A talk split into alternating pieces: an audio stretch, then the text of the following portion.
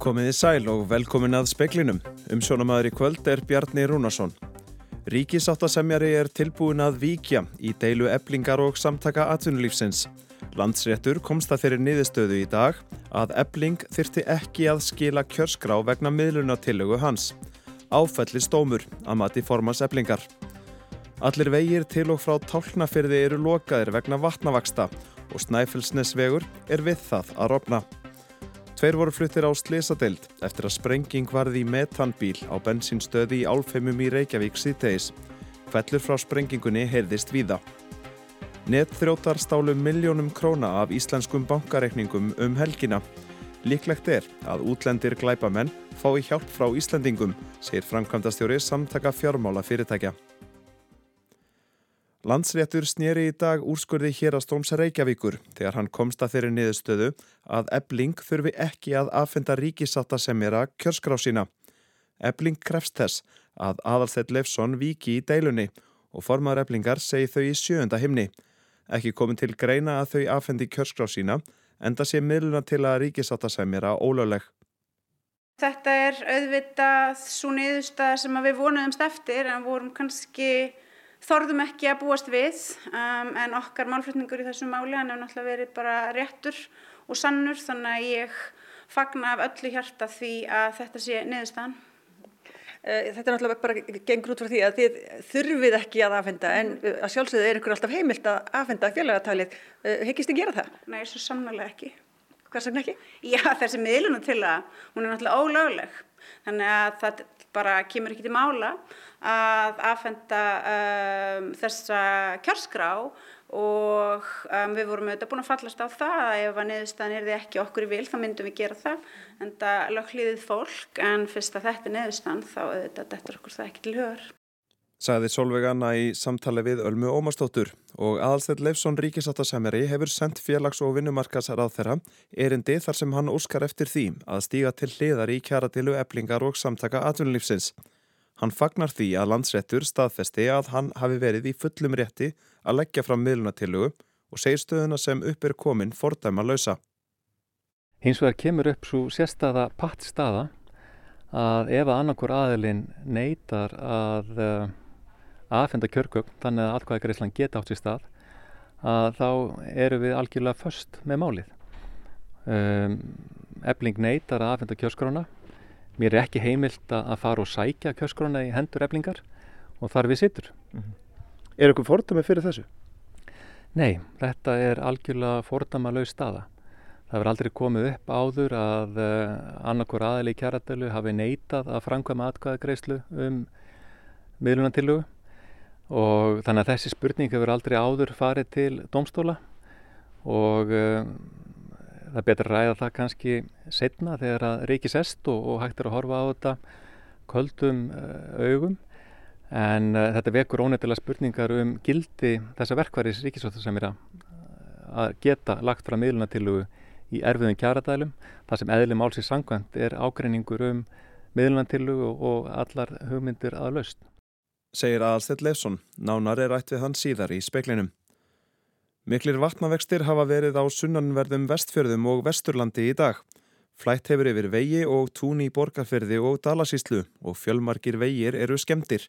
Snæfellsnesvegur er lokaður á milli vörðufells afleggjara og keisarabakka afleggjara þar sem stór hluti af veginum er við það að ropna vegna vatnavexta í bakka á. Mikið flóð er á tálknafyrði eftir að tungu áflætti yfir bakka sína.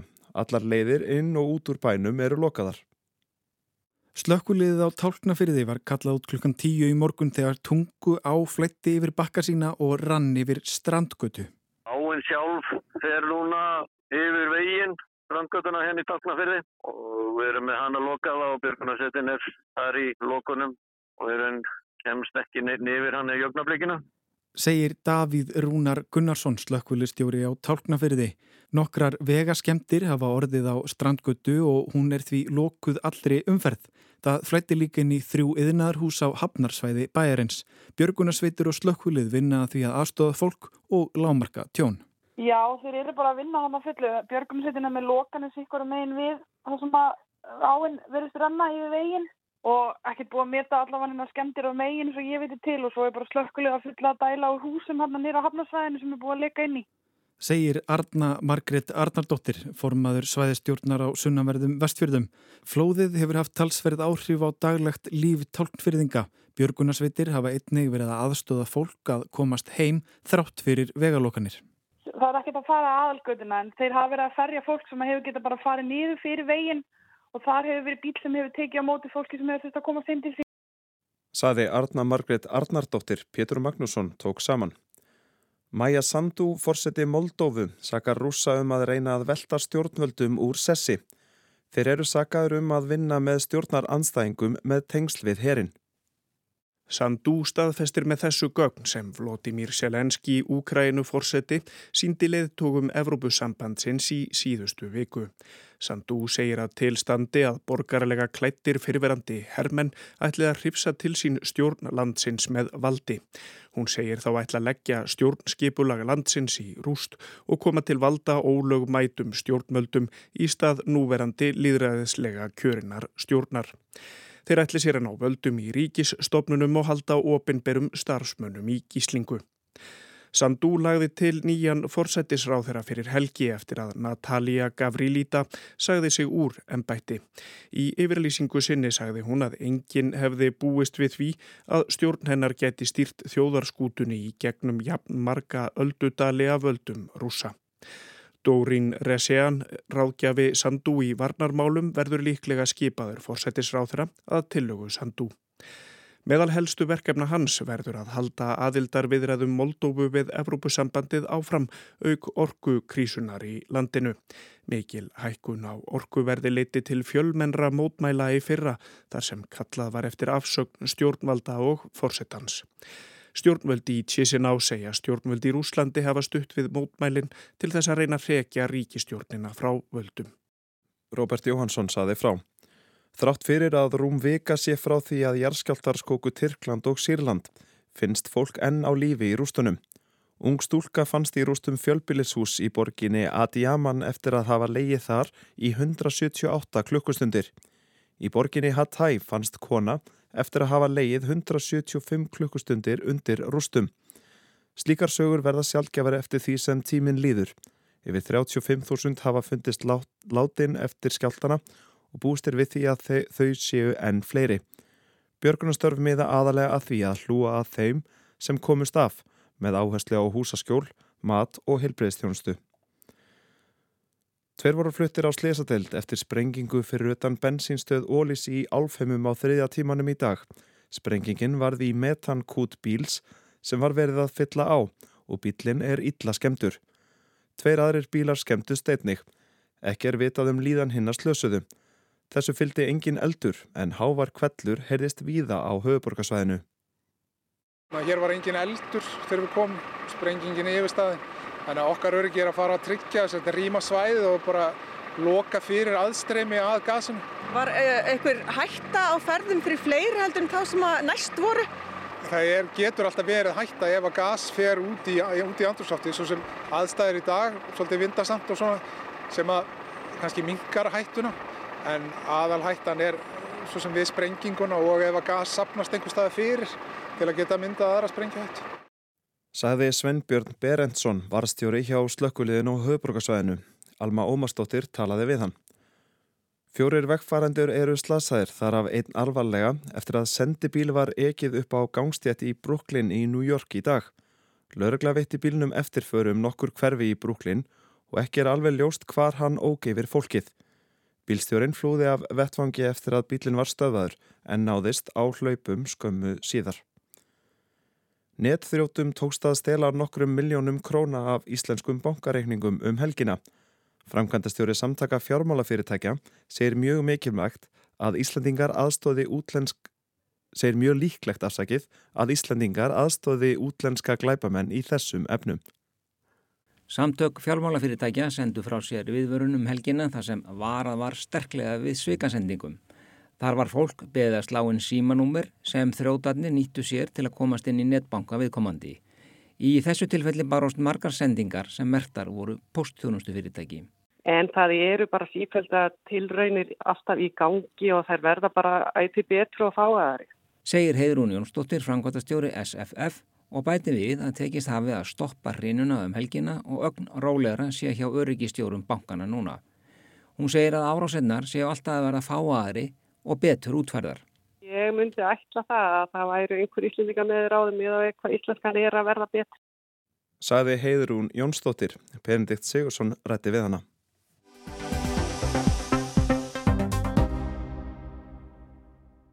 Landsréttur snýri í dag við úrskurði hérastóms Reykjavíkur um að ebling skuli aðfenda ríkisáttasemjara kjörskrá sína. Það þýðir að ekki er hægt að leggja miðluna til ríkisáttasemjara í atkvæðagreyslu meðal allra félagsmanna eblingar. Landsréttur segir að ríkisáttasemjara sé ótvírat heimild að eiga frumkvæði að því að efna til atkvæðagreyslu. Hverki verði hins vegar séð í lögum að aðila í vinnudelu, í þessu tilfelli eblingu, sé skilt að aðfenda honum kjörskrá sína áður en til atkvæðagreyslu kemur eða veita honum aðgang að henni. Ebling og ríkisættasemari gerðu með sér samkumlagi síðustu viku um að una niðurstöðu landsettar. Í yfirlýsingu sem Ebling sendi fjölmjölum er þess krafist að Alþedd Leifsson ríkisættasemari segi sig samstundis frá deilu Eblingar og samtaka aðtunulífsins. Solveig Anna Jónsdóttir fagnar þessari niðurstöðu landsettar. Alþedd Leifsson ríkisættasemari, ja, hver eru þín viðbröð við þessum úrskurði landsettar? Það er ánægilegt að sjá að landsréttur staðfestir að miðlunartillagan var löglega framsett og landsréttur staðfestir einnig að ég er í fullu rétti að gefa fyrirmælu um framkvæmt atkvæðgreyslu. Hins vegar kemur upp svo sérstaða pattstaða að ef að annarkur aðilinn neytar að uh, aðfenda kjörgögn þannig að atkvæðgreyslan geta átt sér stað að þá eru við algjörlega först með málið. Um, ebling neytar að aðfenda kjöskrána mér er ekki heimilt að fara og sækja kjöskrána í hendur eblingar og þar við sittur mm -hmm. Er ykkur fordami fyrir þessu? Nei, þetta er algjörlega fordama laus staða það verður aldrei komið upp áður að uh, annarkur aðli í kjaradölu hafi neytað að framkvæma atkvæðagreyslu um miðlunantillugu og þannig að þessi spurning hefur aldrei áður farið til domstóla og uh, það er betra að ræða það kannski setna þegar að ríkis est og, og hægt er að horfa á þetta köldum uh, augum. En uh, þetta vekur ónefnilega spurningar um gildi þessa verkværis ríkisvölda sem er að geta lagt frá miðlunatilugu í erfiðum kjaradælum það sem eðli málsins sangvænt er ágreiningur um miðlunatilugu og allar hugmyndir að laust. Slær þessi úrskurður, slær hann vopn úr höndum ríkisvölda sem er að? Hann allavega gerir það verkum að eh, ríkisvættasemjari getur ekki knúið fram atkvæðagreyslu um miðlandilu ef annarkur aðilinn neytar að aðfenda kjörgögn. Það er staða sem að ég sá aldrei fyrir mér að gæti komið upp og ég held að komi mjög mörgum á óvart. Mm -hmm. Er þetta áfællistómur yfir vinnubröð þín og ykkar? Ég lít ekki svo á vegna þess að dómurinn segir alveg skýrt að mér sé heimilt að leggja fram miðlantiluguna og ég lít svo á raunar með sér skilt að gera það þegar að deilan er komin í algöran hnút að þá er engin önnur leið sem að ríkisáttasemjari hefur til þess að knýja á um einhvers konar löst sem að sátt getur myndast um ef hún er samþygt í atkvæðagreyslu félagsmannabækji megin bors þannig að uh, ég hygg að það hefur rétt að leggja fram meðlunum til huguna og hins vegar þá er það fordómarus og sérstök staða sem er komin upp þegar ekki hægt að framkvæma miðlunartiluguna. Mm -hmm. Nú er komin upp þessi pattstaða eins og segir. Hvað tekur nú við? Já, deilan fer ekki frá okkur. Hún er ennþá til staðar og hún er náttúrulega fyrst og fremst að milli samtaka aðtunulífsins og eblingar stjættafélags. Við eh, hljótum að reyna áfram að miðla í deilun og finna einhverja laust og einhvers konar sátt á milli aðala Eh, það er það sem hefur verið til staður og heldur áfram mm -hmm. Hvað tekur nú við? Hefur þú í hugju að bóða fólk á, á fund eða hvað, hvað ætlar að gera næst? Ég hygga allir sem hafa fylgst með fréttum sjá að, eh, að mín persóna hefur vissanhátt verið dregin inn í þessa deilu og það er alltaf ákveðið áhættu atriði að leitast við að miðla málum á milli stríðandi fylkinga í harðari og erfiðri deilu. Og uh, mín skoðun er svo að málefni gengur alltaf á undan persónulegum hagsmunum. Og þess vegna nefndi ég það í samtali við félags- og vinnumálar á þeirra núna fyrir í dag að það kunna vera skynsanlegt að skipa sérstakann sáttasemjara eða sáttanemnd jafnvel til þess að vinna í máluna áfram. Þannig að viðkomandi sáttasemjari eða viðkomandi sáttanemnd myndi þá taka ákvörðunum næstu skref. Hver er ætti þá sæti í þessari sáttanemnd? Það verð þá undir félags- og vinnumálar á þeirra komið hverju sæti í þeirra nefnd. Og hvernig tók hann í þessa tilhjóðan þínu? Hann ætlar örgulega að velta því fyrir sér. Mm -hmm. Sko nú er, eru hafinn verkföll eflingar og, og yfirvofandi frekari og harðari aðgerðir og svo að fara að kjósa um, um þriðja, þriðja fasan. Þessi deila hún harnar bara og harnar og eins og þú segir þín persóna hefur verið tekin inn í, inn í þessa deilu. Hvað sér þið fyrir? Er, er eitthvað lausn í þessu, í þessu máli?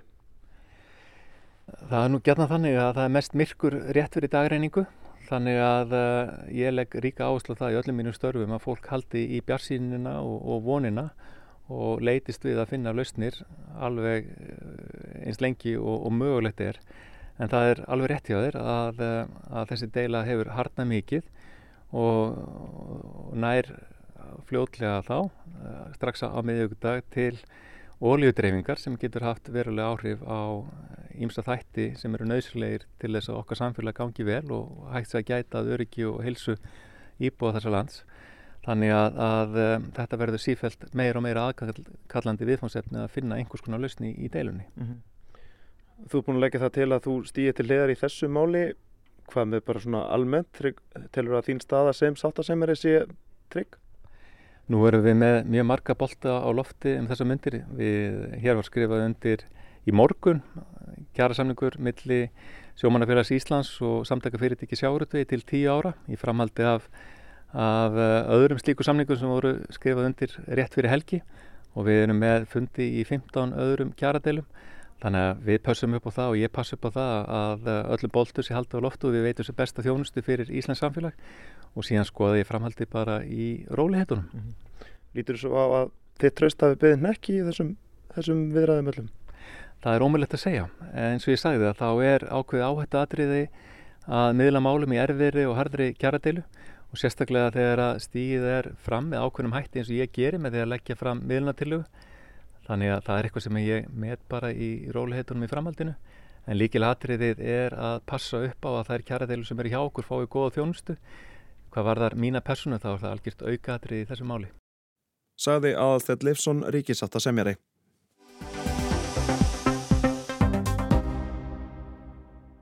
Stjórnvöld í Bandaríkjunum og Kanada virðast enn litlu nærum þrjá óþægta hluti sem hafa sést á flugi yfir Norður Ameríku síðustu daga.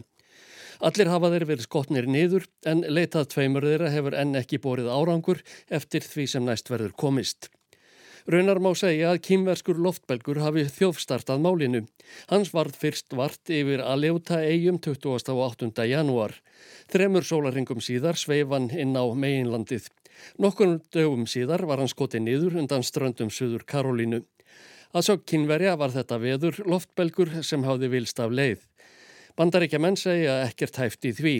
Niður úr belgnum hafi hangið búnaður sem hafi verið ætlað að afla leinilegra upplýsinga. Vegna þessa ákvað Antoni Blinken, utenríkis ráð þeirra bandaríkjana, að fresta heimsókn sinni til Kína um óákveðin tíma. Málinni er enga veginn lokið eða þar sem kynver að segja að bandaríkjaman hafi sendt njósna belgi inn yfir kynverst landsvæði. Talsmaður stjórnvalda sagði í dag að ekkert væri hæft í því.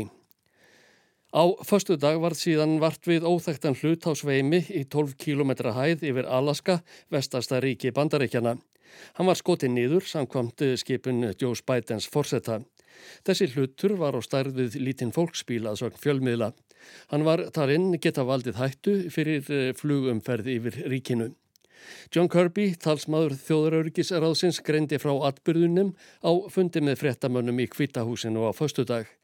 Hann sagði að hluturinn væri kallaður hlutur því ekkert væri vitað um hann að svo stöttu. We're calling this an object because that's the best description we have right now. We do not know who owns it, whether it's a whether it's state owned or or corporate owned or privately owned. We just don't know. John Kirby sagði að brakið úr hlutnum hefði fallið niður á gattfriðið vatn í Alaska til stæði að sækja það og rannsaka. Eftir því sem næst verður komist hefur það enn ekki verið gert þar sem aðstæður til leitar eru erfiðar í þessum hluta ríkisins. Á lögardagskvöld var síðan annar óþektur hlutur skotin niður yfir Júkon sjálfstjórnarsvæðinu í norðvestur hluta Kanada. Bandarískar og kanadískar orðustu þótur voru sendar á vettvang þegar hlutarins var vart.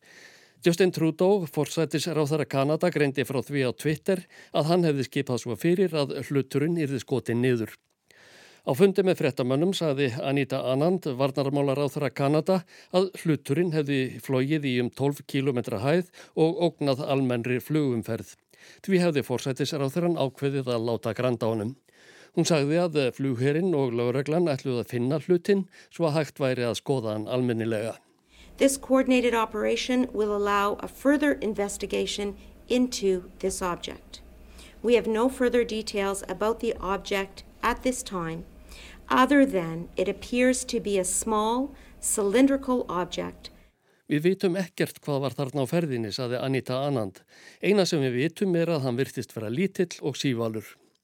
Fjörði hluturinn og sá þriði óþekti var svo skotið niður í gær yfir hjúran vatni millir Michigan í Bandaríkjónum og Alberta í Kanada. Brakið fannst og hefur verið tekið til rannsóknar. Á frettamannafundi með Glenn van Herk, hersöðingja, sagði Helen Cooper, bladakona hjá New York Times, að ein spurning brinni á vörum allra, hvort þessir hlutir væri í raun fljúandi furðuhlutir utan úr gemnum. Have you ruled out aliens or extraterrestrials? And if so, why? Because that is what everyone is asking us right now. I'll let the intel community and the uh, counterintelligence community figure that out. I haven't ruled out anything. Ég lætt leinu þjónustuna skera árum það, svaraði hersöðingin. Ég útiloka ekkert. Hann bætti við að herinn heldi áfram að meta alla ógn, þekta sem óþekta, sem kynni að stedja að bandaríkjónum og grípa til viðegandi ráðstafana. Jim Himes var að formaður leini þjónustu nefndar bandaríka þings sagðist í gær í frettaþættinum Meet the Press hafa áhyggjur á því að stjórnvöld greindu ekki frá öllu sem þau vissu um hinn að fljúandi óþektu hluti. I have real concerns about why the uh, administration is not being more forthcoming with everything that it knows. Hæms bætti við að uh, reyndar hefðu hlutirnir ekki fundist, vonandi eriði upplýsingum um þá ekki haldið leindum þegar þeir hefðu verið rannsakaðir. Jens Stoltenberg, framkvæmda stjóri NATO, sagði í dag að atburðurinnir í vesturheimu væru hluti af stærri heldarmynd. Kinnverjar og rússar hefðu fært sig upp á skaftið að undanförnu við að njóstna um bandalagsþjóðirnar og bett uh, við það ímsum aðferðum. I think what we saw over the United States, I visited the United States last week, is part of a pattern where China but also Russia are increasing their intelligence and surveillance activities against NATO allies. Stoltenberg sagði að fylst væri með NATO þjóðunum utan úr geimi.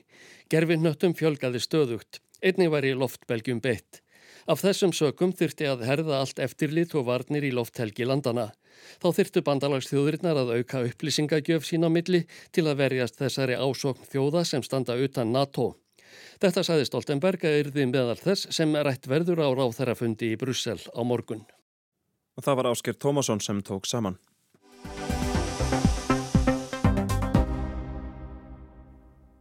Norski njósnarein Arne Treholt fannst látin í Moskvu og er enn á ný umræði efni fólks á þessum njósnatímum.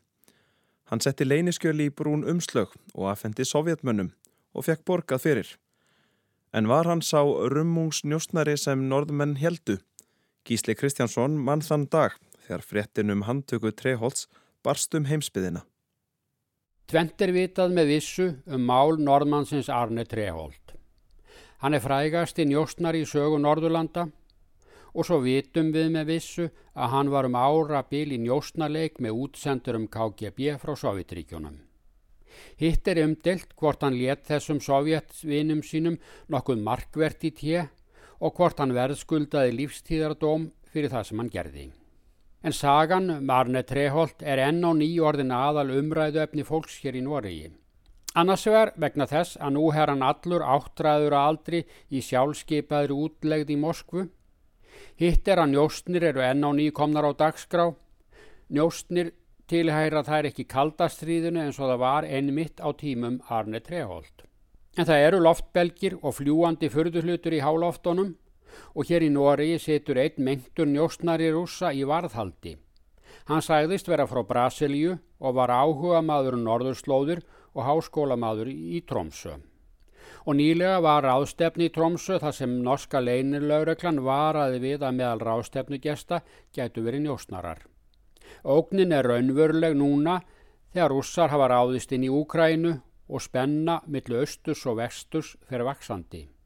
Gamal talsmáti um samskipti þjóða er aftur komin í tísku. Normenn óttuðust í raun og veru njóstni sovjetmenn á tímum Arne Treholt frá því á sjönda og áttunda áratugliðinar aldar.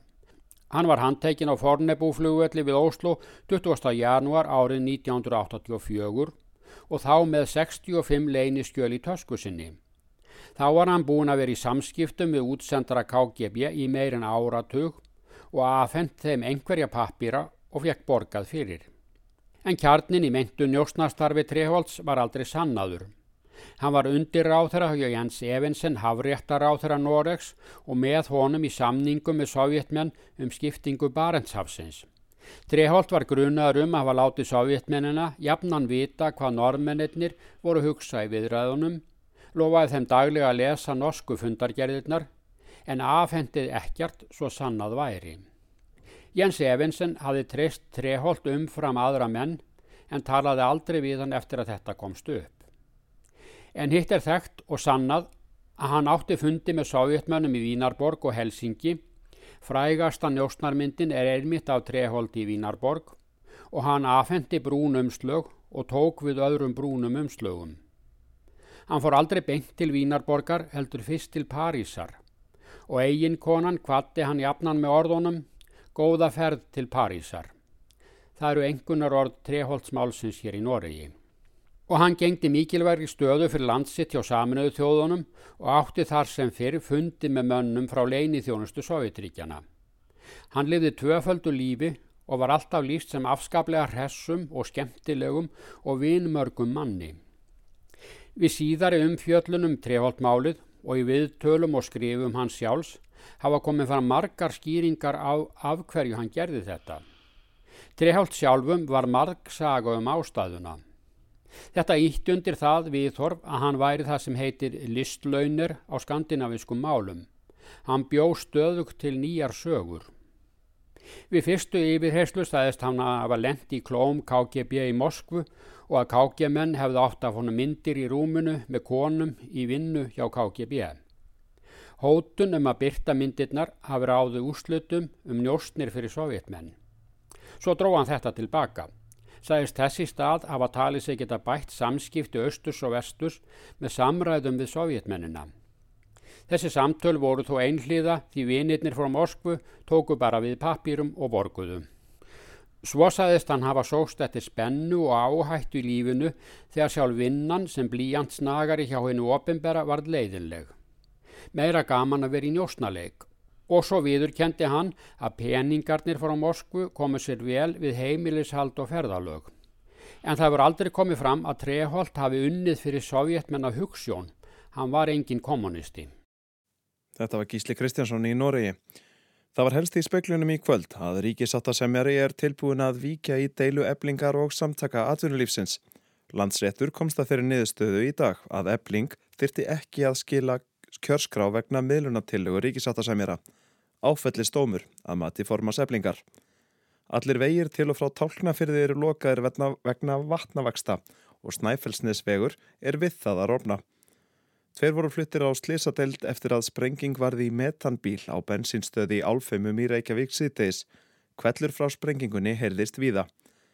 Netþrjótar stálu miljónum króna af íslenskum bankareikningum um helgina. Líklegt er að útlendir glæpamenn fái hjálp frá Íslandingum, segir framkvæmdastjóri samtaka fjármálafyrirtækja. Lítum þá til veðus. Víða sunnan 15 til 23 metrar á sekundu, kvassast norðan til. Rigning sunnan og vestanlands talsverð á köplum en úrkomi lítið á norður og austurlandi, hiti 5-12 steg, dregur úr vindi og stittur upp vestan til í kvöld. Sunnan og suðvestan 8-15 á morgun, víða jél en yfirleitt þurftum landið norð-austanvert. Kólnar hiti nál, nálægt frostmarki undir kvöld. Það er ekki fleira í speklinum í kvöld. Tæknimaður var Mark Eldredd, frett átsendingu stjórnaði valgerður Þorsteinstóttir. Njóti kvöldsins og verðið sæl.